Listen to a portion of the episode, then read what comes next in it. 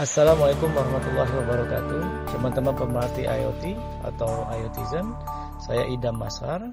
Selamat menyimak IoT Talk Program bincang-bincang seputar dunia Internet of Things di Indonesia. Let's talk IoT Talk. Oke, Assalamualaikum warahmatullahi wabarakatuh. Uh, IoTizen kembali lagi dengan Idam Masar. Saya akan coba memandu IoT Talk uh, diskusi kita tentang IoT hari ini uh, sudah hadir uh, teman lama saya sampai sekarang jadi teman, belum jadi kompetitor kayaknya. Pak Anthony Josia. Jadi Pak Anthony Josia ini uh, pertama kali saya ketemu itu tahun berapa ya Pak Anthony ya? 2010 kali ya? Sekitar 2006 mungkin ya? Oh 2006. Wah waktu awal-awal saya bikin bikin perusahaan ya. Waktu itu ah. beliau masih jadi representatif GE. Jadi ya, kalau secara pengalaman sudah sejak 98 sampai hari ini tetap fokus di dunia automation.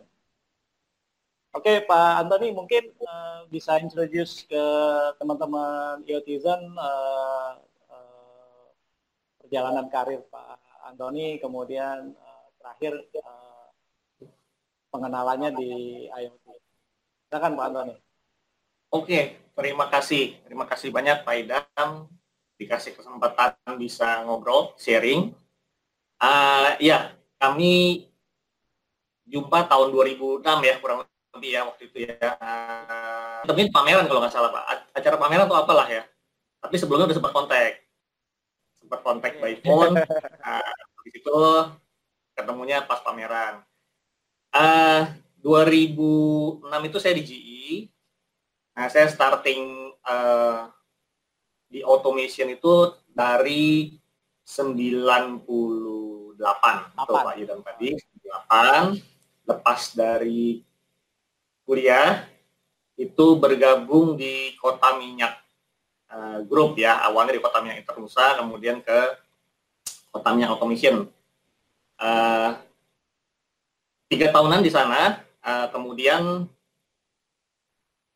bergabung dengan Schneider Schneider Indonesia saat itu dengan tim automation juga uh, sampai 2005 akhir. Nah, 2005 akhir bergabung dengan uh, eh, GE untuk representasi automation, GE Fanuc Automation saat itu uh, sampai 2010 atau 2011 lah. Artinya udah mati. Ya, ya. GI-nya udah mati Pak sekarang ya.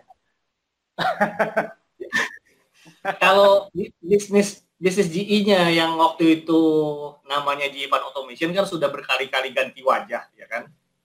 Dari GE Fan Automation, GE Fanuc uh, Intelligent Platform, kemudian Fanucnya hilang jadi GE Intelligent Platform. Kalau hari ini kan sudah uh, owned by Emerson karena diakuisisi oh, tahun okay. 2018 kemarin. Itu. GI ya mulai sebetulnya salah satu mentor saya untuk wirausaha itu Pak Idam ini yang selalu ngomporin. Zaman waktu di GI itu selalu ketemu bahkan nggak ketemu ya kalau teleponan juga pasti ngomporin kapan gitu kan. nah akhirnya ya terbakar juga gitu kan keluar dari GE gabung dengan beberapa teman untuk bikin uh, sistem integrator uh, kecil seperti itu. Uh, kemudian ya seiring waktu uh, akhirnya memutuskan untuk totali jalan sendiri di uh, 2013 ya. Uh, ya yang di tempat sekarang Bintara Raya Cemerlang gitu. Jadi uh, selama ini Pak Antoni kita kan uh, sama-sama main di dunia automation. Nah, karena kan ada istilah baru, istilah baru sebenarnya namanya IoT, Internet of Things. Sebenarnya kan di dunia automation kita itu kan dari dulu sudah ada ya uh, PLC atau SCADA yang kita remote menggunakan internet, kemudian dimonitoring di area yang lebih jauh gitu menggunakan akses internet atau kalau dulu kita ngomongnya remote monitoring lah ya, remote monitoring atau remote SCADA gitu kan. Hmm, hmm, hmm, sekarang namanya udah berubah menjadi Internet of Things. Sekarang perkembangannya gimana Pak Antoni di aplikasi? Nah ini menarik Pak, betul. Uh, jadi memang saya awal-awal bergabung di automation itu dengan kota minyak dan kota minyak itu sebagai apa ya uh, core-nya sendiri waktu itu memang sangat strong di oil and gas uh, market. Uh, saya belajar banyak terkait sama uh, uh, networking di uh, apa namanya automation itu di project-projectnya kota minyak yang kebetulan saat itu banyak di uh, uh, namanya masih Caltech ya waktu itu ya Caltech Pacific Indonesia. Nah di Caltech itu mulai dari project telemetri ya kemudian uh, well test monitoring itu kita bisa uh, monitor uh, sejumlah well dalam kondisi remote di uh, uh, control room ya. Kemudian juga uh, beberapa project untuk waktu I2K juga mengintegrasikan uh, monitoring dari sejumlah gathering station multi office di Minas waktu itu. Dan semuanya memang tentu menggunakan uh, fasilitas jaringan uh, ya quote unquote internet dalam hal itu intranet mungkin ya, ya di di di uh, corporate uh, Caltech saat itu oh intranet kalau di ya di KPS lain kan juga ada ya seperti misalkan yang di offshore Eh, platform-platform mereka itu mereka bisa monitor di kantor pusat mereka di Jakarta. Nah itu udah hal yang common sekali dan itu tahun-tahun 90-an atau awal 2000 lah kita bilang. Itu udah sesuatu yang yang sangat umum, sangat sangat apa e, menjadi bagian yang e, e, dari sistem operasional maupun maintenance mereka ya seperti itu. Ya jadi e, ya betul Pak Idam tadi enggak bukan sesuatu yang baru, cuma namanya waktu itu bukan IoT ya, belum belum belum ada istilah IoT waktu itu. Nah, mungkin Anda juga karena banyak di mesinning juga ya waktu itu ya. Anda kan ya. pernah punya background di mesinning mesin-mesin maker Eropa, waktu itu juga mereka umumnya sudah punya remote access untuk ya, remote access ya, remote troubleshooting, ya kan, untuk bisa troubleshooting. Jadi balik lagi, memang yang kita bicarakan hari ini sebetulnya bukan hal yang totally baru, tetapi ini pergerakan dari dua sisi. Memang dari sisi teknologinya sendiri bergerak. Kalau dulu memang kesannya antara dunia kontrol dan dunia IT itu terpisah. Uh, terpisah, betul. betul. Engineer, nah, engineer juga terpisah waktu itu. terpisah, betul. Nah hari ini memang uh, ada tuntutan yang mau nggak mau uh, harus kita uh, ikutin ya. Artinya kamu nggak bisa bilang, oh itu bukan ranah saya karena saya cuma ngurus kontrol sistem. Ternyata eh, apa namanya programmer atau engineer kontrol sistem juga harus punya pemahaman tentang networkingnya, ya tentang security. Gak usah ngomong networking dulu lah. Ah. Kita bicara networking di eh, sorry, kita bicara security di eh, satu komputer itu saja untuk akses apa namanya uh, eh, OPC. Kita bicara uh, bagaimana men-setting uh, di komnya katakan. Itu udah sesuatu. Bagaimana setting uh, security-nya kalau di situ blank ya susah gitu kan mau nggak mau ya multidisiplin harus masuk di situ pengetahuan IT-nya pengetahuan uh, uh, automation-nya harus menjadi satu kesatuan gitu. Kalau remote monitoring kita dulu itu kayaknya wah ya Pak Antoni zaman-zaman dulu itu kayaknya hmm, tahun iya. 2000 itu wah wah banget ya ilmunya gitu ya Nyeting dekom itu uh, kayak apa ya kalau udah bisa itu jadi engineer gajinya jadi gede. Ya. nah, ngalamin kayaknya. Karena kan teknologinya, karena kan teknologinya udah berubah nih, udah udah ada yang maju. Uh, setting-settingnya juga menjadi lebih sederhana menggunakan internet, ethernet protokol dan lain-lain. Nah, sekarang kalau dulu kan hanya area-area apa ya, area-area yang mahal lah ya, kayak mahal-mahal seperti itulah ya yang yang yang bisa akses untuk melakukan remote monitoring. Kalau saat ini dari sisi uh, penyedia uh, vendor-vendor itu apakah masih masih ngasih produk remote monitoring atau mereka udah punya produk baru yang mendekati IoT itu? Oh, oke. Okay. Kalau dari sisi produk ya, kalau kita bilang dari sisi produk teknologi uh, apa namanya uh, yang mengadopsi teknologi IoT itu memang boleh dibilang hampir semua manufacturer uh, automation sudah mengarah ke sana ya baik dari sisi produk secara hardware-nya maupun uh, pendukungnya termasuk uh, uh, uh, cloud sistemnya juga umumnya mereka sudah prepare ke sana gitu kan. Uh, artinya memang uh, ya dua sisi Pak. Satu sisi dari uh, kebutuhan marketnya juga memang mulai uh, masuk ke sana. Di sisi lain edukasi dan juga uh, push dari sisi uh, pabrikan untuk mendorong uh, implementasi uh, IoT ini juga cukup kuat. Dan bahkan mereka sudah masuk di ranah uh, ya tadi itu bukan lagi uh, uh, sekedar remote monitoring dari sisi software skadanya diintegrasikan tetapi bahkan langsung dari level controller dia sudah ready to uh, IoT ya kan? Hampir uh, menjadi sesuatu yang uh, apa namanya umum juga sekarang. Controller-controller baru sudah punya fitur itu. Ya, sebentar, Pak Antoni. Jadi kalau dulu kalau kita mau remote monitoring berarti harus ada PLC-nya, harus ada SCADA-nya. Nah, SCADA ini diinstal di PC, baru PC ini yang bisa berkomunikasi dengan remote sensor, eh, remote uh, headquarter atau segalanya. Hmm. Hmm.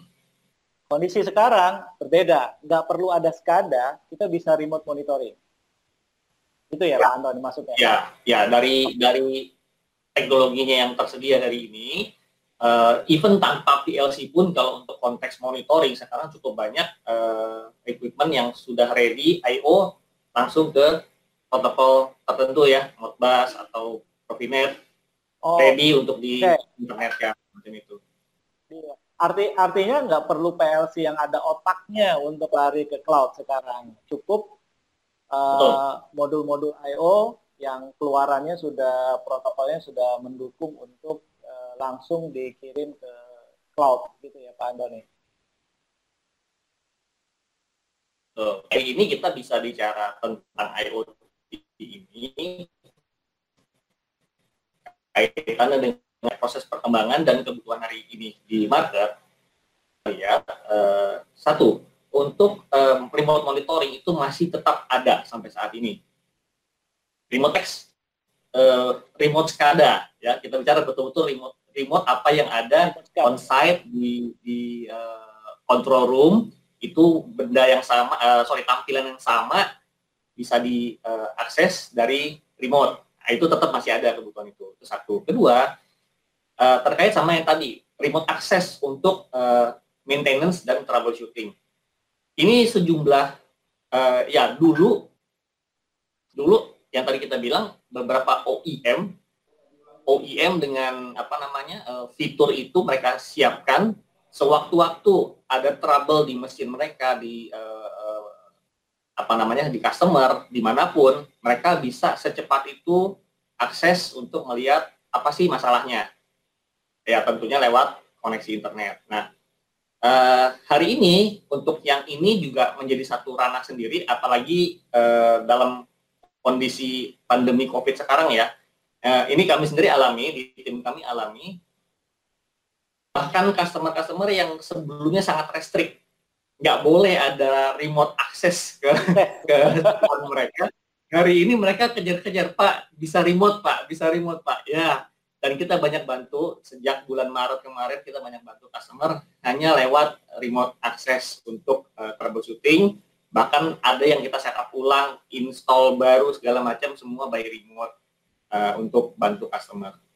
Nah, oke okay, itu yang kedua. Yang ketiga, yang uh, mungkin ini yang lebih ke advance-nya ya Pak uh, arahnya bukan lagi sekedar remote monitoring dari sisi operasi.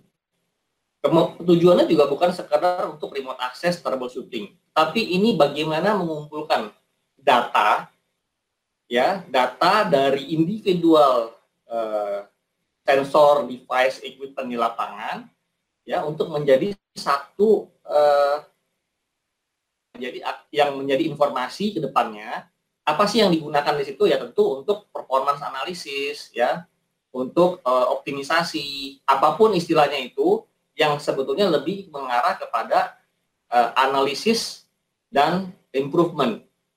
Nah ini sekarang kan banyak kebutuhan yang mulai ke sana yang tujuannya untuk yaitu tadi analisis, predictive maintenance, kemudian juga uh, apa namanya uh, improvement dalam konteks uh, dia bangun modeling.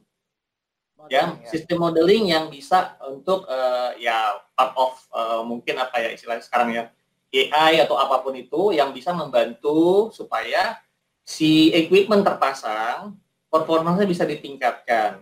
Kalau dulu kita cuma bicara oh bagaimana dari satu sisi OII katakan atau dari sisi apa. Nah, sekarang bagaimana dia mengintegrasikan semua plan data itu menjadi satu uh, uh, sistem yang bisa multifungsi ya, bisa digunakan ke mana pun baik terkait sama kebutuhan operasional, kebutuhan maintenance, kebutuhan inventory, bahkan yang tadi itu untuk improvement dari sisi performance itu sendiri. Nah ini yang menurut saya eh, ini sudah mulai ke sana dan pemainnya ini rame karena pemain industrial juga sudah di situ dan pemain non industrial juga sudah masuk ke sana. Jadi mereka sama-sama melihat ada peluang besar di situ dan ujungnya karena kalau yang tadi kita ngomong analisis, analisis kan selalu berbasis uh, analisis itu berbasis statistik ya. Mostly berbasis statistik. Sesuatu yang berbasis statistik kuncinya adalah data. Bagaimana data itu bisa masuk? Nah, setelah data ada, baru dibangun modelnya kan, modeling sistem, bagaimana dia bisa katakanlah untuk turbin performance uh, maksimal dari turbin seperti apa sih? Nah, kalau manufacturer yang bikin seperti GE katakan mereka punya manufacture datanya secara uh, internal mereka bisa bangun aplikasi yang uh, modeling yang yang yang sesuai sama performance uh, turbin mereka. Nah, untuk yang non industrial yang berangkatnya dari murni IT dan statistik, mereka bukan dari situ, tapi mereka berdasarkan behavior. Makanya mereka kumpulkan datanya, kemudian ciptakan behavior yang memang terbentuk dari operasional, baru kemudian dibangunkan modelnya. Supaya uh, apa namanya uh, dia maksimal harusnya seperti apa. Uh, kondisi anomalinya akan muncul seperti apa. Nah itu dari situ. Nah ini semua akan membutuhkan yang kita sebut tadi IoT berarti ada ada pergeseran sekarang ya dari yang dulu yang dulunya orang-orang automation itu hanya main di PLC SCADA, remote monitoring, nggak lari ke mana-mana nih di sini hmm. aja. Hmm. Kemudian mulai bergeser, oh Eh, menjadi performance alat lah ya supaya alat itu benar-benar apa ready 100% running terus 24 jam kalau bisa hmm. seperti itu sehingga hmm. Eh, data-data yang diperlukan dari alat ini dikumpulin kemudian diprediksi datanya kalau diestimasi kapan rusaknya diestimasi hmm. kapan harus diperbaikannya sehingga. Ya. uh, analitik itu yang yang dipakai benar benar nah, jadi kalau berarti dunia sekarang bukan dunia remote monitoring, jadi IoT itu bukan remote monitoring, jadi jadi bukan remote operation maksud saya, bukan remote ah, operation. Ah, ah. Monitoring ya, tapi uh, lebih banyak dia sifatnya ngolek data, menjadi big data gitu ya Pak Antoni kayaknya seperti. Saya lebih melihat ke arah sana. Saya oh, lebih melihat data ya. Sana. Nah bukan untuk operation mesinnya yang difokuskan sekarang, tapi bagaimana data-data mesin itu ditarik, kemudian dikumpulkan di dalam satu wadah di cloud. Ya, yeah. ya. Yeah. Kemudian satu lagi Pak Antoni, uh, bagaimana mengintegrasikan antara satu mesin dengan mesin yang lain. Saya ingat banget dulu kita ngerjain satu mesin, ya mesin itu aja. Di sebelah ada mesin lain, platformnya beda. Di sebelah mesin lain, platformnya beda lagi hmm. gitu. Benar. Sehingga apabila dia satu line dari satu mesin ke mesin yang lain, ini nggak ada integrasinya kan? Nggak ada. Nah, sekarang data itu dikumpulin. Jadi dijadiin big data. Itu maksudnya Pak Antoni saat ini. Kalau saya lebih melihat uh, arahnya ke sana. Artinya uh, dari uh, ketersediaan uh, ketersediaan produk maupun uh, teknologinya itu udah mengarah ke sana. Kemudian juga kita bicara dari sisi uh, kebutuhan customer ya, kebutuhan marketnya terkait banyak hal, terkait investasi dia, terkait integrasi. Nah, oke, okay. Uh, saya barusan aja uh, pagi ini saya lihat email dari salah satu customer kita yang uh, mengirimkan informasi bahwa mereka baru saja impl apa namanya uh, go live untuk e-procurementnya. Nah, e-procurement. Nah, ini uh, udah banyak corporate yang sekarang melakukan itu kan, uh, sistem uh, apa namanya procurement yang sudah berbasis cloud juga berbasis uh, uh, aplikasi. Nah ini kalau cuma sepotong-sepotong artinya uh, mereka hanya apa ya berbasis sektor ya atau departemen gitu kan. Nah, eh, yang kita lihat waktu mereka implementasi seperti itu dan kita sudah lihat ya sudah sudah terjadi beberapa kali juga mungkin saya pernah sharing juga sama anda di satu customer ternyata dua departemen mengerjakan satu aplikasi yang tujuannya sebetulnya ke sana juga gitu. Nah, overlap. ya kan? Overlap dia. Dua vendor yang berbeda gitu kan, beli license lah, beli server lah segala macam. Padahal waktu kita duduk di situ loh. Bapak udah ada itu kenapa beli satu paket lengkap dari sini harus seperti ini juga? Nggak perlu. Ini tinggal integrasikan tadi itu kan bagaimana data data dari oke okay, kalau kita turun lagi ke level mesin. Bagaimana kita punya 10 mesin? Data dari 10 mesin dengan 10 uh, PLC yang berbeda lah ekstrimnya ya. 10 PLC sistem yang berbeda kontrol sistem berbeda protokol berbeda fungsi mesin berbeda bagaimana semua itu bisa masuk ke satu sistem yang sama untuk nanti terkait sama kebutuhan inventory untuk uh, apa uh, part-partnya kebutuhan untuk mungkin nanti uh, terkait schedule maintenance terkait yang ya sisi operasional dan maintenance-nya juga mungkin di situ nah Bagaimana itu bisa terintegrasi? Nah, ini dia PR-nya bagi kita integrator hari ini mulai membuka. Artinya gini, kita jangan masuk lagi di ego sektoral gitu ya. Saya hanya hanya fokus di automationnya di, di titik ini. Nah, padahal kita juga mesti mesti membuka mata terhadap aplikasi di luar automation yang pada ujungnya akan membutuhkan data, fit datanya dari sisi automation kita. Dan ya, itu sangat membantu. Karena kita juga tahu dari zaman dulu juga data manufaktur, data mesin itu nggak pernah masuk ke ERP sistem ya. Enggak. ini, ini menarik Pak, ini menarik. Tahun-tahun saya di GE itu tahun sekitar 2000, GE nah oke. Okay. GE pada saat itu termasuk lead Pak, lead di, di uh, apa namanya uh, software solution. GE saat itu punya historian, uh, kemudian plan application, dan betul-betul uh, uh, didorong untuk uh, majukan uh, implementasi uh, uh, software. Nah, yeah, yeah, yeah. waktu itu cari cari SI Pak, setengah mati Pak. Kita ngobrol Saya sama SI nah, kita ngobrol sama SI yang yang ini, SI yang yang pure di control system ya. Kita ngobrol ke ke arah uh, software implementationnya, nggak nyambung Pak. Itu lalit. Kenapa? Karena ini udah menyangkut database yang waktu itu rasanya masih dunia lain gitu loh. Kita sebatas database untuk alarm aja gitu kan, alarm dan event udah. nah, itu itu itu satu. Nah, akhirnya saya coba masuk ke pemain-pemain ERP. Dengan pemikiran itu, mereka akan punya uh, kebutuhan untuk fit data yang which is datang dari plan. Tarik. Saya ketemu beberapa vendor ERP yang cukup lead lah ya, saat itu. Uh, kita diskusi sama uh, uh, leader di mereka juga sampai satu titik waktu kita mau coba appoint mereka uh, untuk jadi partner muncul sesuatu yang saat itu nggak terpikir sebelumnya. Nah setelah muncul itu saya pikir oh iya benar itulah masalahnya. Tahu apa? Mereka bilang Pak kalau kami uh, uh, poinnya kan waktu itu bilang perluas portfolio Anda dari murni di sisi uh, ERP ya masuk ke sisi uh, integrasi datanya. Nah, di ujung itu setelah kita diskusi panjang lebar, saya dapat jawaban, Pak, kalau kami perlebar portfolio kami masuk ke ranah itu, nanti kerjaan kami takutnya nggak selesai-selesai, Pak.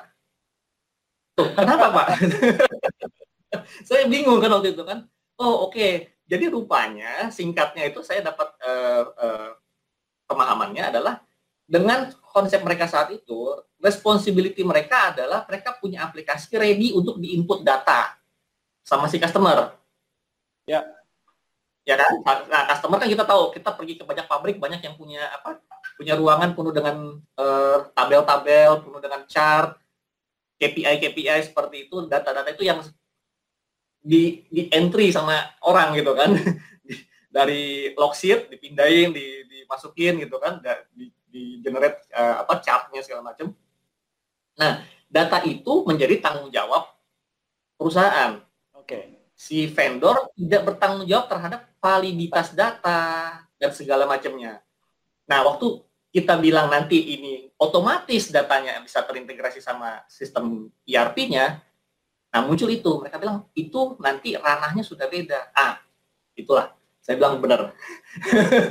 Jadi, nah di hari ini PR kita adalah seperti itu Pak, bagaimana menyambungkan uh, dua layer itu dengan uh, ini dua dua sisi juga Pak ya. Satu nggak valid dalam konteks memang bermasalah dari sisi lapangan dari sisi instrumentasinya mungkin kurang bagus, itu bermasalah. Satu.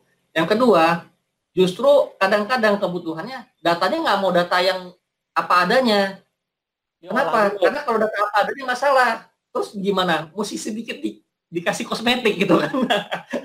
kalau udah begitu kan lain lagi ceritanya kan. Nah ini yang yang yang jadi challenge juga memang artinya di sisi kita sebagai implementer.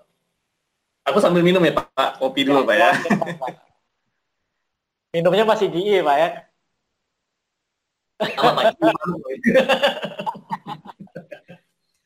Soalnya Pak Antoni ayo otak, Pak.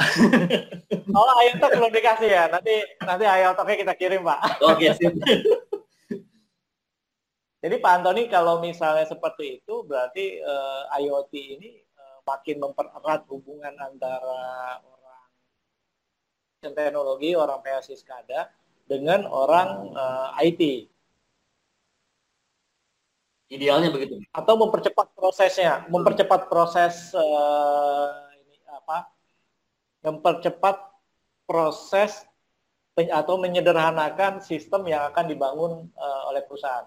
Karena saya melihatnya gini, uh, IoT ini dari pengalaman saya dua tahun terakhir permintaannya banyak kan datangnya dari manajemen ya, bukan dari nah, benar, benar. Benar. Kemarin uh, saya cerita dari manajemen itu ada dari customer kita itu yang sederhana hanya sekedar pengen tahu berapa raw material yang masuk dan berapa produk yang keluar. Dia pengen tahu karena raw material itu adalah uh, uang dia yang paling besar. Nah, jadi sebenarnya sederhana sekali kalau di sisi kita raw material masuk itu kan sudah ada misalnya jembatan timbang, datanya sudah ada. Hmm timbangan silo levelnya sudah ada. Akhirnya dia kumpulin sensor-sensornya sudah ada di PLC kan, datanya udah ada di PLC. Cuman data masuk dengan data keluar itu dikontrol oleh dua PLC yang berbeda. Hmm. Nah, reportnya terpaksa dibuat manual pakai Excel diketik. Hmm. Nah, akhirnya sekarang kalau dengan menggunakan IT dua data ini kan bisa dikumpulkan dari dalam satu sistem database kemudian dikirim ke cloud kemudian si manajemen bisa menyaksikannya secara real time. Apakah di aplikasi-aplikasi Pak Antoni juga mulai ngarah ke situ si manajemen para manajemen people ini mulai nge tentang itu? Ya, anda betul. Memang uh, inisiasi untuk uh, implementasi uh, aplikasi. Nah, ini tidak lagi di layer operasional. Perangkatnya mesti dari top manajemen. Kenapa? Karena satu terkait uh, investasinya juga uh, biasanya udah udah apa namanya uh, butuh uh, intervensi khusus lah gitu kan. Nggak nggak kalau dari operation untuk merequest itu biasanya sulit. Kedua juga terkait uh, implementasi IoT-nya sendiri, uh, memang satu sisi tadi ada singgung cloud itu ya ini juga menjadi satu challenge karena nggak semua customer kita hari ini ready untuk mengcloudkan informasi mereka. Nah, jadi okay. uh, eh, ya mungkin uh, apa itu menjadi masih menjadi proses ya. Tapi uh, balik lagi kebutuhannya memang ada dan biasanya yang terjadi adalah mereka akan bangun infrastruktur sendiri terkait kebutuhan server untuk storage uh, uh, yang saya ketemu lah di di market kita. Nah, betul tadi dari manajemen. Dan menariknya apa Pak? Saya dapat cerita belum namanya ada customer corporate kita juga yang dari headquarter untuk implementasi yang uh, apa ya namanya plan information management system sistem itu uh, suddenly mereka prioritas dan yang saya dapat dari salah satu teman maintenance itu dia bilang Pak ini kita harus beli komputer dan license HMI SCADA baru. Kira-kira berapa kan? 100 juta lewat gitu kan nah ini langsung yeah. Pak approvalnya Pak okay. padahal inverter yang kemarin rusak Pak, saya udah request dua bulan belum dapat approval katanya. Ini kan jadi sesuatu yang ironi juga gitu. Artinya secara prioritas kok jadi apa begitu uh, top manajemen prioritas uh, seolah-olah berapapun siap siap di, dikucurkan gitu kan. Nah ini sebetulnya menarik Pak sekali besar di situ ya uh, kebutuhan marketnya juga sudah sana tinggal bagaimana kita uh, ya menjadi partner menjadi partner bagi customer kita untuk menjadi implement uh, uh, apa uh, implementer yang baik sekaligus membawa teknologi yang ada dari sisi uh, manufacturer partner-partner prinsipal kita untuk bisa diimplementasikan juga. Dan mungkin seperti yang kami jalankan juga Pak Anda juga jalankan uh, kita juga using potensi karya anak bangsa ya jadi kita uh, buat juga aplikasi custom uh, yang bisa diimplementasikan karena nggak semua customer ready untuk beli license yang harganya untuk aplikasi-aplikasi yang uh, semacam itu. Tapi untuk kebutuhannya pasti ada. Nah di situlah kita harus saling melengkapi. Gitu Pak Ida. Kalau kalau di IO Talk seri sebelumnya itu dia cerita terlalu banyak developernya, tapi marketnya masih rendah untuk penyerapan hmm. produknya.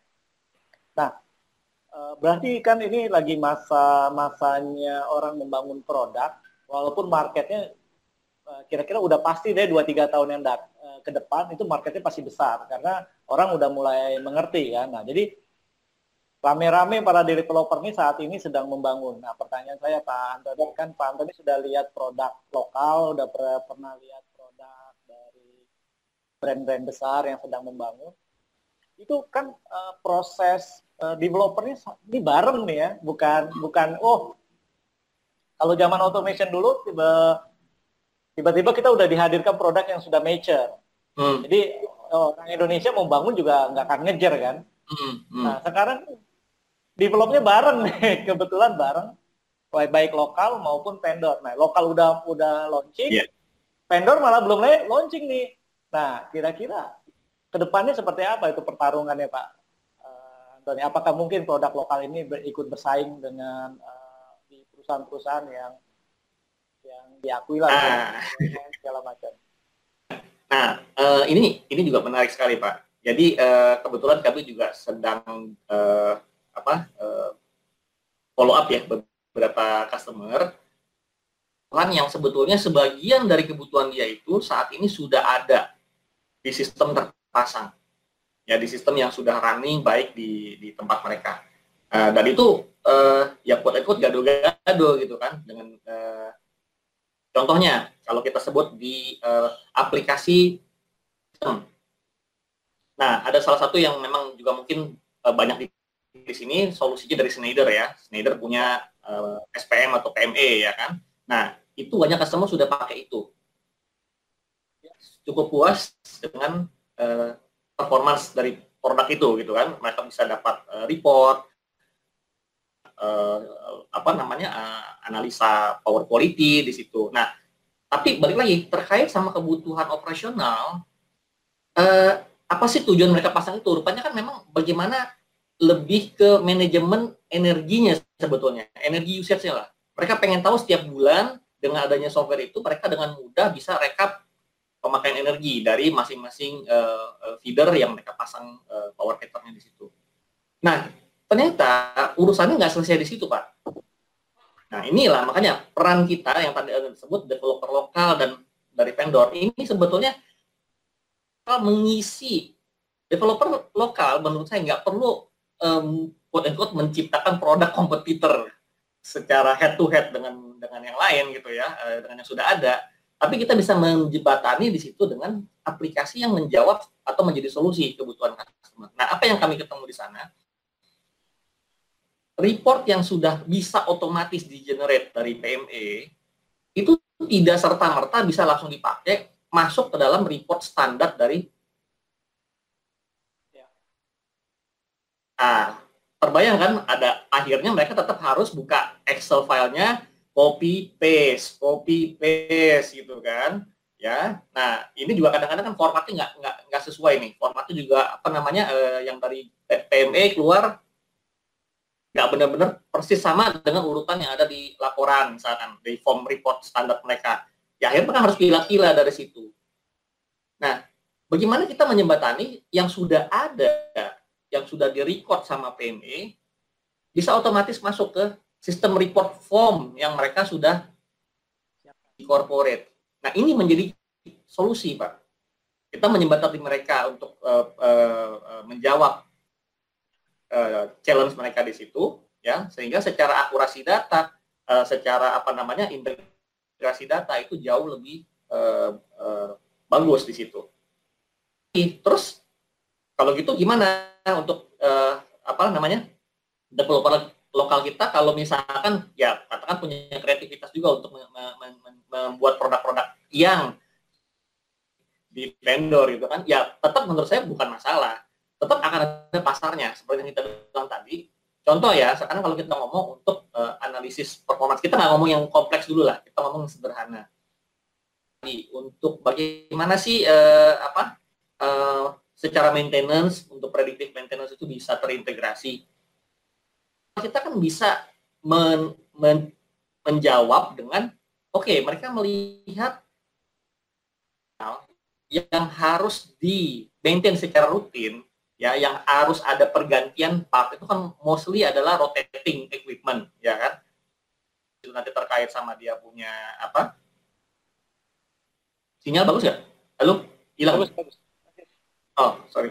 Soalnya putus-putus kayaknya. Nah eh, jadi dengan kondisi dia bisa menciptakan uh, dari kebutuhan yang produk uh, katakanlah uh, prinsipal punya dengan yang dia bisa ciptakan untuk menjawab uh, kebutuhan market yang beli license yang semahal itu bisa pak karena kita lihat realitanya kalau nggak corporate besar masa sih dia nggak butuh untuk predictive maintenance pasti tetap butuh. Cuman dia nggak mungkin investasi untuk beli software saja gitu kan. Nah, lebih baik dia pakai capex untuk gedein pabriknya gitu kan. Nah, kita kalau punya solusi yang bisa bantu mereka PM dengan eh, apa namanya software custom proven ya artinya tidak tidak abal-abal gitu kan. Secara uh, performanya juga bisa di bisa dipertanggungjawabkan. Itu yang penting. Jadi uh, problem sekarang adalah uh, kalau kita bermain IoT di apa di existing system bahwa things-nya kan IoT Internet of Things things-nya itu itu sangat-sangat bervariasi ya. Mulai uh, existing system tadi Pak Antoni cerita power monitoring kan power monitoring belum water monitoring. Belum boiler sistemnya mereknya A, belum chillernya mereknya B, Benar. belum uh, mesinnya mereknya dari Cina, ada satu mesin dari Jerman. Nah, problemnya kalau kita cerita ayo itu itu kan big data, berarti mengolek seluruh data yang ada. Jadi kalau cerita Pak Anton itu sederhananya gini Pak Anton, kalau misalnya ada output, dia mau hitung berapa rupiah per output, itu dengan sistem yang sekarang itu ribet banget itu ngurusnya tuh dari PNT ngambil datanya, Benar. terus ambil data output dari mesin. Itu mau gabunginnya aja udah ribet banget ya. Kalau zaman-zaman dulu kita udah pasti biayanya itu nambah software macam-macam jadi yeah. mahal sekali. Tapi kalau IoT sekarang jadi lebih sederhana ya menggabungkannya itu apa? Karena teknologinya sudah sudah sangat uh, sudah sangat dekat untuk aplikasi seperti itu. Halo, Pak Antoni?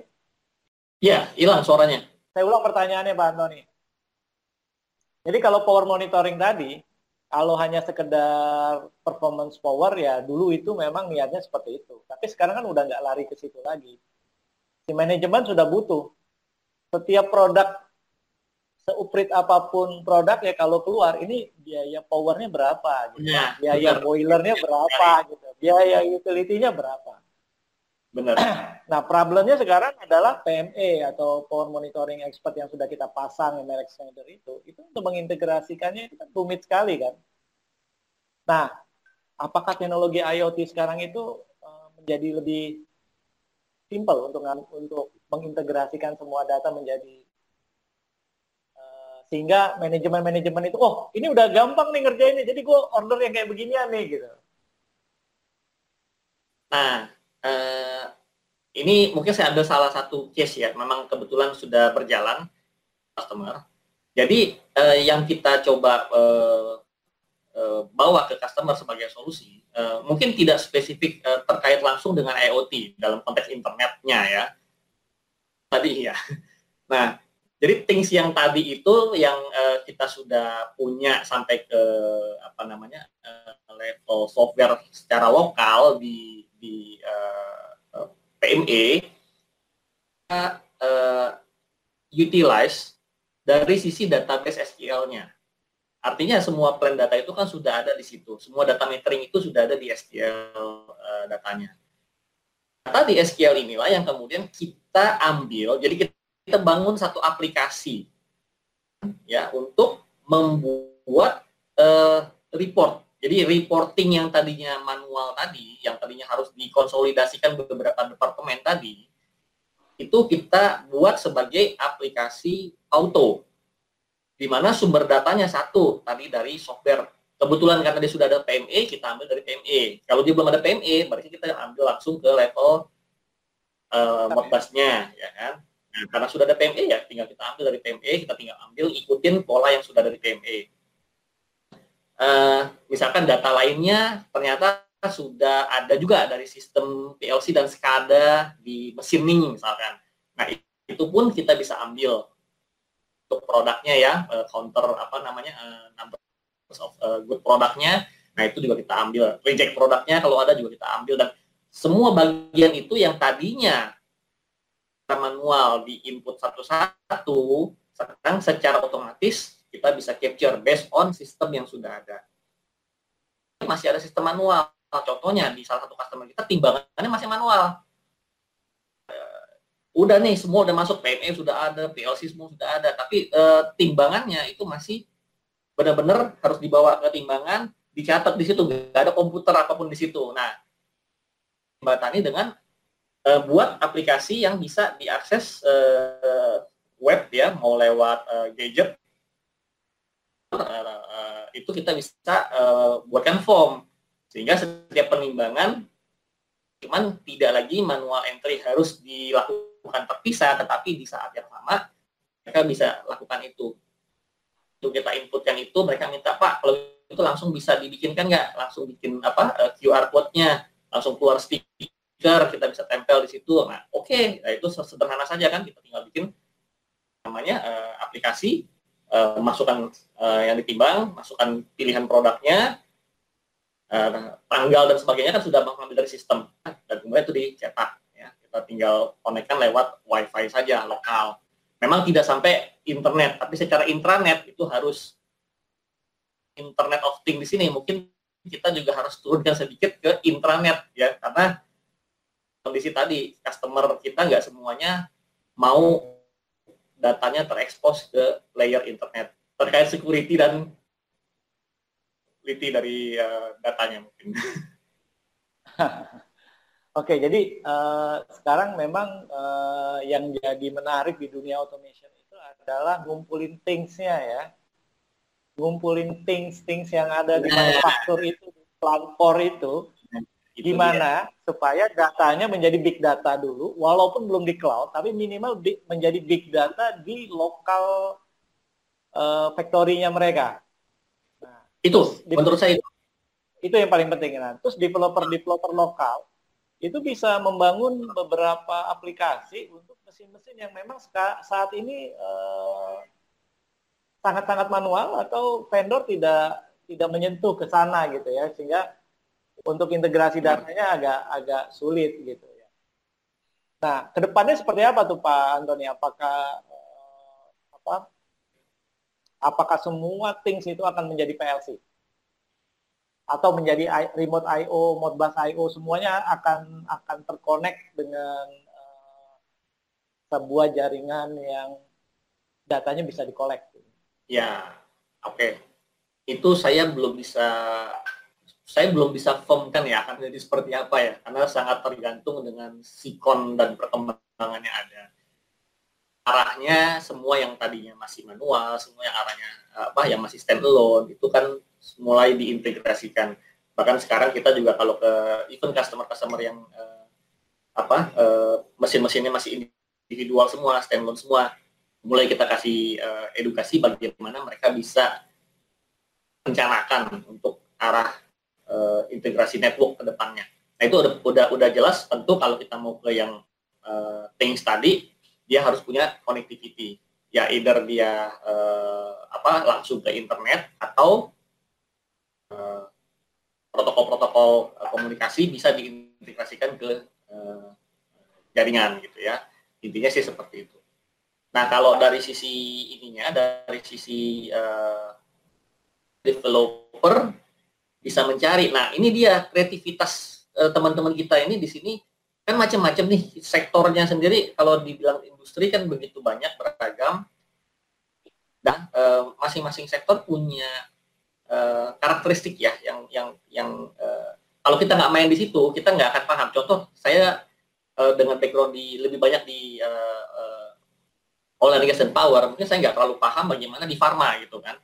Nah atau di food and beverage nah itu teman-teman uh, yang main di situ akan tahu. Dan balik lagi sebetulnya kebutuhan customer itu how we uh, solve their pain gitu kan. How we uh, bagaimana kita bisa membantu mereka mengurangi rasa rasa sakitnya atau rasa apa ya uh, terhadap uh, sistem yang uh, tuntutannya sekarang kan semakin keras. Uh, seperti yang uh, anda bilang tadi manajemen kepengen dengan satu dashboard mungkin di depan uh, komputer dia atau di ruang body ya board of director udah ada satu display L, uh, eh, LED dengan uh, langsung muncul KPI-nya di situ. Nah itu itu itu baru bisa dilakukan kalau big datanya tersedia. Jadi kalau coba saya uh, ini kita diskusi IoT itu lebih banyak ke things-nya nih. Gimana ngumpulin para things yang di industri ya. Jadi things-things ini sebenarnya jadi miss miss uh, miss system yang ada di ERP yang selama ini di entry manual di sistem uh, di sistem yang ada di pabrik. Nah, things-things ini, things-things ini harus mulai di collect. Mau nggak mau pasti akan di collect datanya dan diintegrasikan datanya.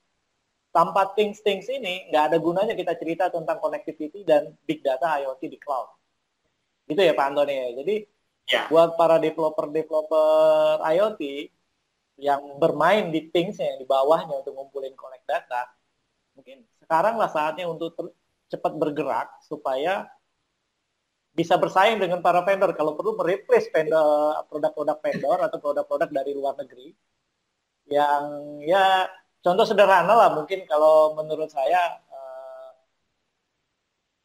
monitoring sensor-sensor harusnya sih developer-developer lokal mampu lah melakukan itu ya Pak Antoni ya. Kalau sekedar yeah. hanya sensor, contohnya misalnya uh, temperatur monitoring, humidity monitoring, kan itu kan sensornya juga udah banyak berkembang di, di even di Tokopedia juga udah banyak banget jualannya gitu ya. Nah, ke depannya kira-kira uh, apakah orang-orang automation itu harus belajar apa untuk untuk harus harus nambah knowledge apa nih? Supaya kan selama ini reluctant nih.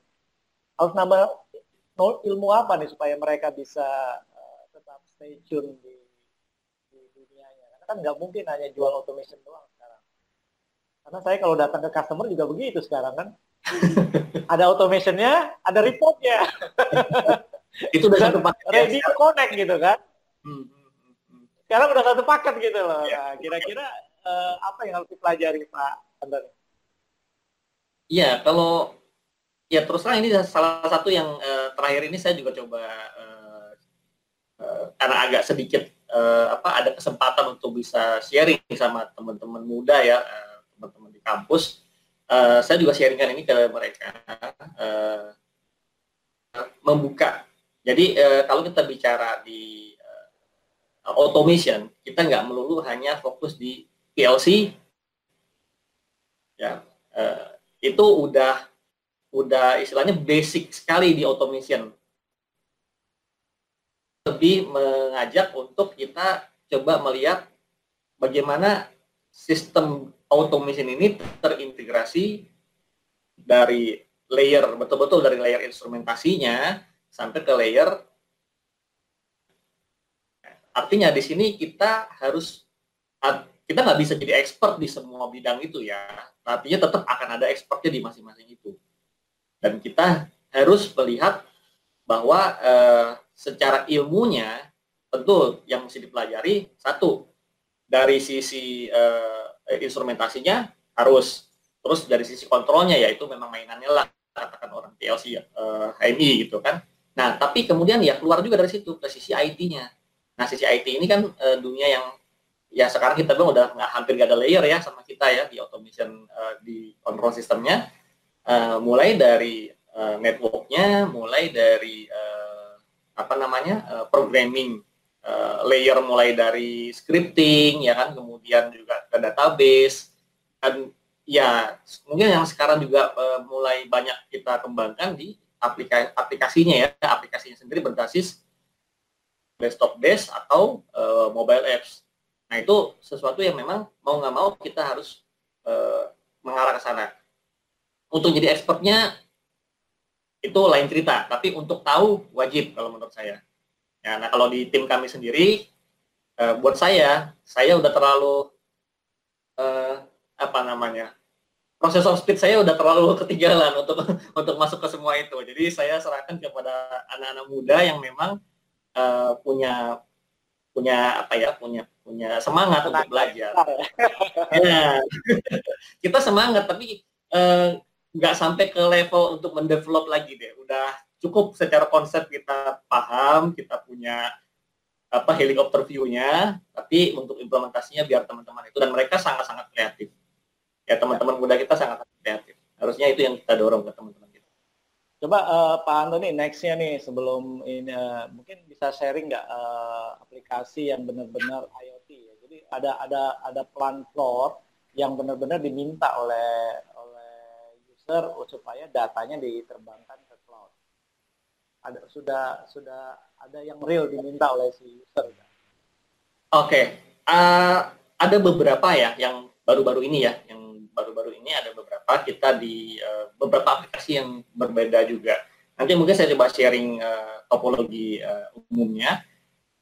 Tapi sekilas saya kasih gambaran dulu. Uh, kita di Power Plant itu uh, sejak 2016 mungkin itu sudah uh, sorry sebelum itu di 2000 2009 dan 2009 2010 itu kita sudah pernah punya satu kebutuhan customer kita ketemu di salah satu IPP customer IPP ya yang uh, dia uh, membutuhkan di real time, quote unquote real time uh, di uh, Jakarta or even di uh, tangannya gitu di di, di uh, handphonenya kenal pembangkitnya di beberapa kota. Waktu itu kita coba di salah satu kota uh, yang yang uh, punya lima lima unit atau enam unit. Nah, uh, reasonnya sederhana. Waktu itu beliau cerita Masalahnya adalah kalau ada gangguan di pembangkit, seketika akan jadi masalah. Nanti orang eh, bahkan GM-nya PLN akan kontak dan langsung tanya, kenapa kamu punya masalah gitu kan? Eh, waktu itu beliau mengatakan waktu itu eh, susah, saya lagi meeting, saya lagi main golf, saya lagi di mana. Ditanya begitu kan saya juga nggak tahu apa yang terjadi. Nah, secepat itu coba telepon ke lapangan ke plan manajernya. Berkali-kali telepon nggak dijawab. Ya dua kemungkinan. Satu memang lagi di lapangan memperbaiki masalah kedua memang nggak mau dijawab gitu kan. Jadi eh, concernnya dia bilang bagaimana caranya supaya saya bisa tahu? Di operasional satu. Kedua kalau trip recent tripnya karena apa? Nah dengan itu bisa menjawab kalau ditanya gitu kan nah waktu itu kita implementasi eh, apa namanya eh, plan datanya itu sebetulnya nggak banyak ya cuman status engine ya kan dan uh, dari HMI Skadar kita juga sudah punya datanya kan waktu itu uh, solusinya dari Wonderware untuk bisa di uh, remote monitoring di Jakarta. Tapi uh, data PLC SCADA itu yang diambil uh, kondisi, nah kondisi saat itu Bahkan dari sisi yang recent tadi ya, recent rate karena apa itu kan tidak originally tidak ada di sistem, tapi itu kita bisa buat berdasarkan ya itu tadi data yang uh, kita ambil uh, apa yang apa yang uh, matriksnya apa sih kalau kalau uh, trip karena ini uh, ada matriks apa yang kita uh, generate sebagai uh, uh, algoritmanya di, di aplikasi. Nah itu sudah lama sekali. Nah uh, tadi saya bilang di 2016. Nah 2016 kita ketemu lagi kebutuhan-kebutuhan yang juga sama dari pembangkit-pembangkit IPP yang kepengen dimonitor di uh, headquarter di Jakarta. Nah, itu uh, beberapa uh, nggak beberapa lah, ada satu dua lah yang yang kebetulan memang secara infrastruktur networknya sudah mumpuni dan mereka implementasikan itu kita bisa monitor. Nah, di tengah kita sedang implementasi itu datang kebutuhan yang untuk performance analisis. Nah, ini memang bukan ranah kita. Karena untuk analisis turbin segala macam itu kan bukan kompetensi kita, kita nggak paham lah secara itu. Dan memang ada pihak lain dari luar yang memang mau implementasikan itu. Nah, ini dia challenge-nya. Mereka punya solusi untuk buat modeling, punya solusi untuk apa namanya uh, uh, permodelannya ya, uh, untuk uh, algoritmanya. Tetapi mereka kesulitan bagaimana cara ngambil plan datanya. Mereka sudah punya cloud sistemnya dan itu memang sudah ambil uh, uh, langsung di uh, uh, tarik ke cloud. Cuman bagaimana ini dari existing apakah ambil langsung ke controller, apakah ambil dari SCADA atau dari historian. Nah, itu semua menjadi sesuatu yang pada akhirnya kita bantu mereka di situ untuk mengimplementasikan. Nah, dan terakhir lagi untuk yang kaitannya sama uh, online data itu mungkin Anda juga masuk di sana ya untuk aplikasi CHAMS dan Sparring ya. Jadi ini yang kebetulan juga jadi regulasi gitu kan. jadi regulasi dan ke nah ini marketnya mau nggak mau dipaksa dengan regulasi harus ready mengonlinekan data mereka masuk ke servernya kementerian. Nah ini juga eh, bagaimana kita bisa bantu customer untuk bisa menjembatani kebutuhan itu. Nah mungkin saya coba sharing beberapa eh, eh, ininya ya. Ini bisa saya share ya langsung ya. Boleh, boleh, boleh Pak Antoni, silakan. Ini uh, arsitekturnya ya? Uh, ya, arsitekturnya. Belum pernah pakai Google Meet ya? Oke, oke. Okay, okay. uh, enggak, Sudah. tadi saya cari screen dulu. Ya. Cari screen dulu tadi. Nah, oke. Okay. Okay. Nah, ini mungkin yang uh, nah, tadi saya cerita. Sudah muncul ya? Nah, bagaimana ya, udah sistem kita kita bangun satu apa namanya satu uh, sistem monitoring yang uh, terintegrasi dan pada saat bersamaan kita membantu juga untuk uh, pihak ketiga melakukan uh, data collection plan. Nah, seperti ini dengan kondisi existing dua ada empat unit gitu ya, ada empat unit Nah, ini kita coba uh, tambahkan di situ uh, remote access server. Hmm. Kenapa kita tambahkan remote access server? Karena di aplikasi ini agak kritis ya kalau kita ganggu di sisi operator workstation-nya atau apalagi langsung ke sisi controllernya ya terkait sama protokol existing yang lumayan apa agak riskan uh, dan juga uh, kita tidak mau mengganggu operasional. Implementasikan dengan menambahkan remote access server sehingga akses ke aplikasi melalui uh, remote access server ini tidak mengganggu operasional. Nanti uh, remote access server inilah yang menjembatani ke cloud server ya? Ya, betul ini yang menjadi jembatan untuk ke cloud servernya dari pihak ketiga nih yang akan uh, ambil data untuk uh, plan monitoring dan performance analisisnya. Jadi mereka jalankan aplikasi mereka uh, dengan tarik data. Nah, terang untuk uh, aplikasi semacam ini dengan topologi yang seperti ini yang menarik ke cloud ini menurut saya, menurut saya yang saya lihat gitu ya dari market kita ini yang uh, ini jadi challenge gitu loh. Oh ya kalau di uh, ini di IPP ini pembangkit, ini IPP, kebetulan uh, mereka tidak restrik untuk itu, tapi tentu uh, mereka concern sekali di sisi security. Ya. Kalau kita bicara ini ke uh, pemerintah punya ya, ke negara punya, seperti Indonesia Power atau PJB, ini uh, saya pikir sesuatu yang mereka akan uh, riskan. nah ini yang yang uh, saya sempat tangkap dari pembicaraan dan diskusi dengan teman-teman yang uh, di sana. Ya ini bagaimana mereka mau bangun ini akhirnya di lokal. Ya jadi instead of cloud mereka lebih prefer untuk dijadikan lokal server tetap big data di mereka ya tanpa ada uh, keluar. Itu. Nah kemudian uh, nah ini ini mungkin mirip ya seperti yang anda buat ya pak ya untuk di IPAL ya di sparring ya Ya, nah, kurang lebih sama seperti ini. Nah, ini mungkin sedikit challenge-nya di sini Pak eh, terkait sama kondisi di lapangan macam-macam tuh Pak. Ya. Dari mereka punya uh, kolam penang. Nah, itu kan ya. ada satu uh, ada yang dia di satu plan itu ada beberapa penampungan ya yang mungkin jaraknya juga tidak berdekatan. Nah, ini memang sangat dibutuhkan bagaimana infrastruktur uh, komunikasi bisa menjembatani baik itu melalui WiFi internal maupun IoT. Nah, seperti ya. yang Anda punya kan sudah langsung IoT kan, langsung ke Go IoT ya. Ya. Masuk ke Go IoT ya, praktis nggak ada masalah mau di titik mana pun shelternya, kolamnya, uh, data sudah langsung uh, terkirim ke uh, cloud. Nah, tinggal nanti dari sisi server aplikasi menarik data dari cloud untuk ditampilkan data series dan uh, tampilannya di aplikasi seperti itu ya. Ya, benar. Oke. Sama lah Pak itu kurang lebih. Nah, ini juga kita punya yang kita implementasikan sama dengan BPPT untuk air quality monitoring ya. Ini ada mobil berjalannya yang keliling-keliling untuk mantau kualitas udara. Nah, bagaimana data dari mobil yang jalan-jalan ini bisa sampai ke server BPPT yang di uh, Serpong. Oke. Okay. Itu. Ini James, ya James. Ya. James juga sama kurang lebih. Uh, ya, ini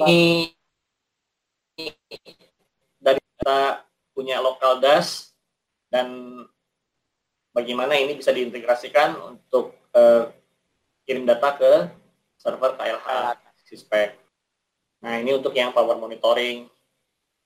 Ya kurang lebih seperti itu sih Pak. Uh, yang menurut saya bisa di apa sharingkan ya? dari sisi aplikasi.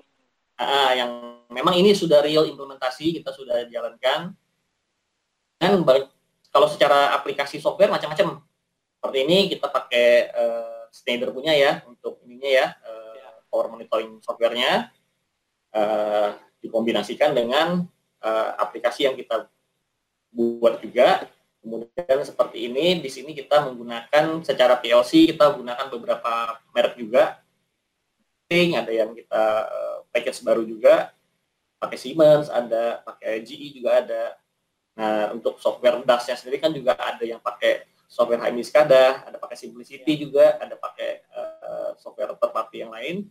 Juga ada yang kita develop uh, custom Nah, untuk uh, aplikasi integrasi ke KLHK-nya kita bangun uh, web application uh, itu custom. Ya. Untuk AQMS okay. juga kita gunakan custom. Ya, kurang lebih seperti itu Pak.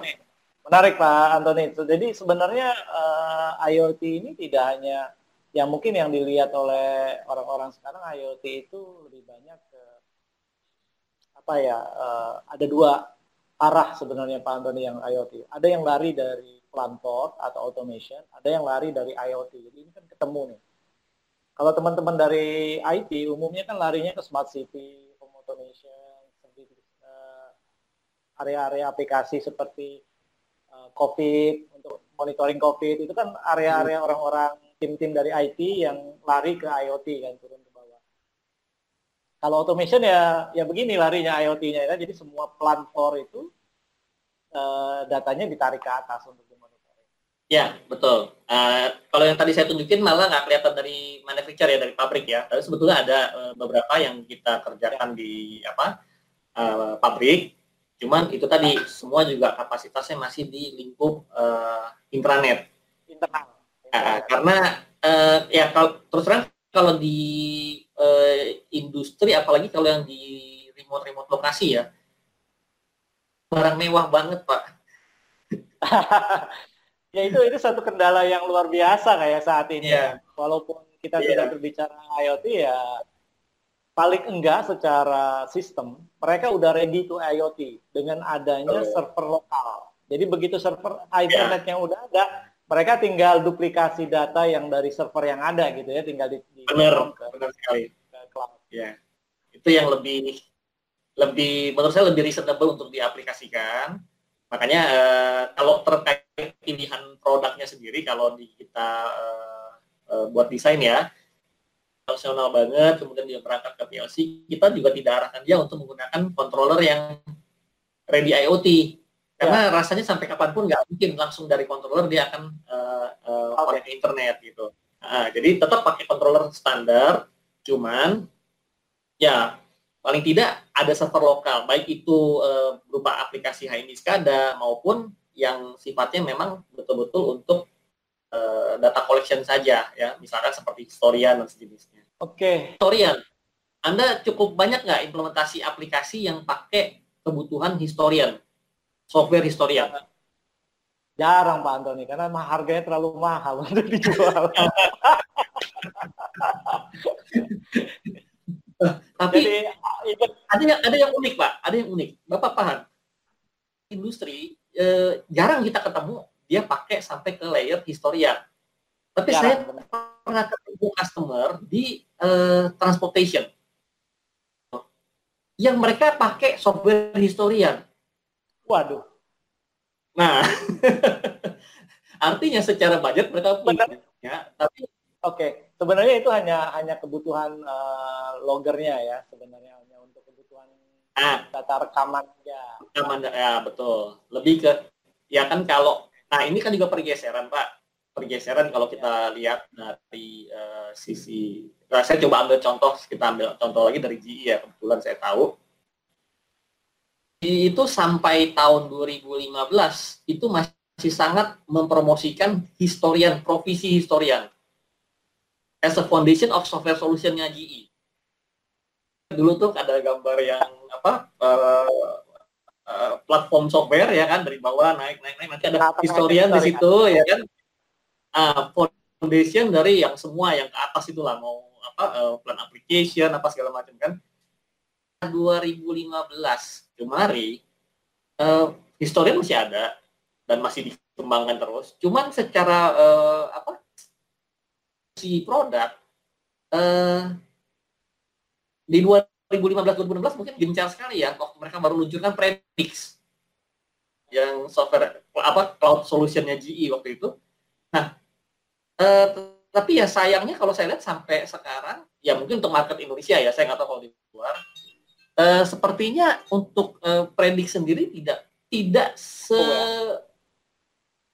uh, sesukses seperti yang mereka uh, bayangkan gitu sebelumnya. Jadi uh, tapi secara platform sudah bergeser. Platform provisi historian yang uh, dikondisikan harus diinstal secara lokal di uh, sisi customer bergeser menjadi Predix cloud base. Mereka tidak perlu invest historian di situ, mereka bisa lempar itu ke Predix dan berlangganan Predix seperti itu. Ya. Oke, Pak Antoni. Ya, Anda sudah mulai di sana. ini, ini ini ini ini kita diskusi tentang IoT talk untuk sharing knowledge lah. Kalau jualan nanti belakangan. belakangan. Mantap. Oke Pak Antoni, terima kasih banyak nih sudah sharing-sharing knowledge-nya tentang implementasi nah. IoT persiapan uh, implementa implementasi IoT di di industri khususnya di power dan di power dan oil and gas. Oke, uh, mungkin saya tutup aja Pak Antoni ya, karena waktunya juga udah satu jam. Kalau kelamaan juga nanti membosankan buat teman-teman. Iya. Uh, yeah. Dan oke, okay, saya tutup. Uh, terima kasih banyak Pak Antoni untuk sharingnya. Uh, Baik, teman-teman IoTizen, terima kasih sudah uh, kami. Hari ini kita bicara tentang bagaimana implementasi IoT dari sisi automation. Dari sini kita bisa lihat bahwa masih banyak uh, pecahan-pecahan yang perlu kita diskusikan, mulai dari security, mulai dari sisi vendor, apa yang mereka sedang kembangkan. Mungkin nanti kan kita undang developer-developer lokal, seperti apa sih yang mereka kembangkan. Jadi, kita akan coba uh, menyatukan puzzle tentang IoT ini sehingga ke depan uh, knowledge atau pengetahuan tentang IoT ini makin berkembang di Indonesia. Uh, Oke, okay, gitu dulu dari saya, Idam Masar. Uh, terima kasih buat teman-teman uh, IoTizen. Sampai ketemu di IoT Talk selanjutnya. Demikianlah IoTizen, bincang-bincang kami seputar dunia Internet of Things di Indonesia di program IoT Talk. Ikuti terus perbincangan-perbincangan berikutnya dan jangan sampai ketinggalan. See you then.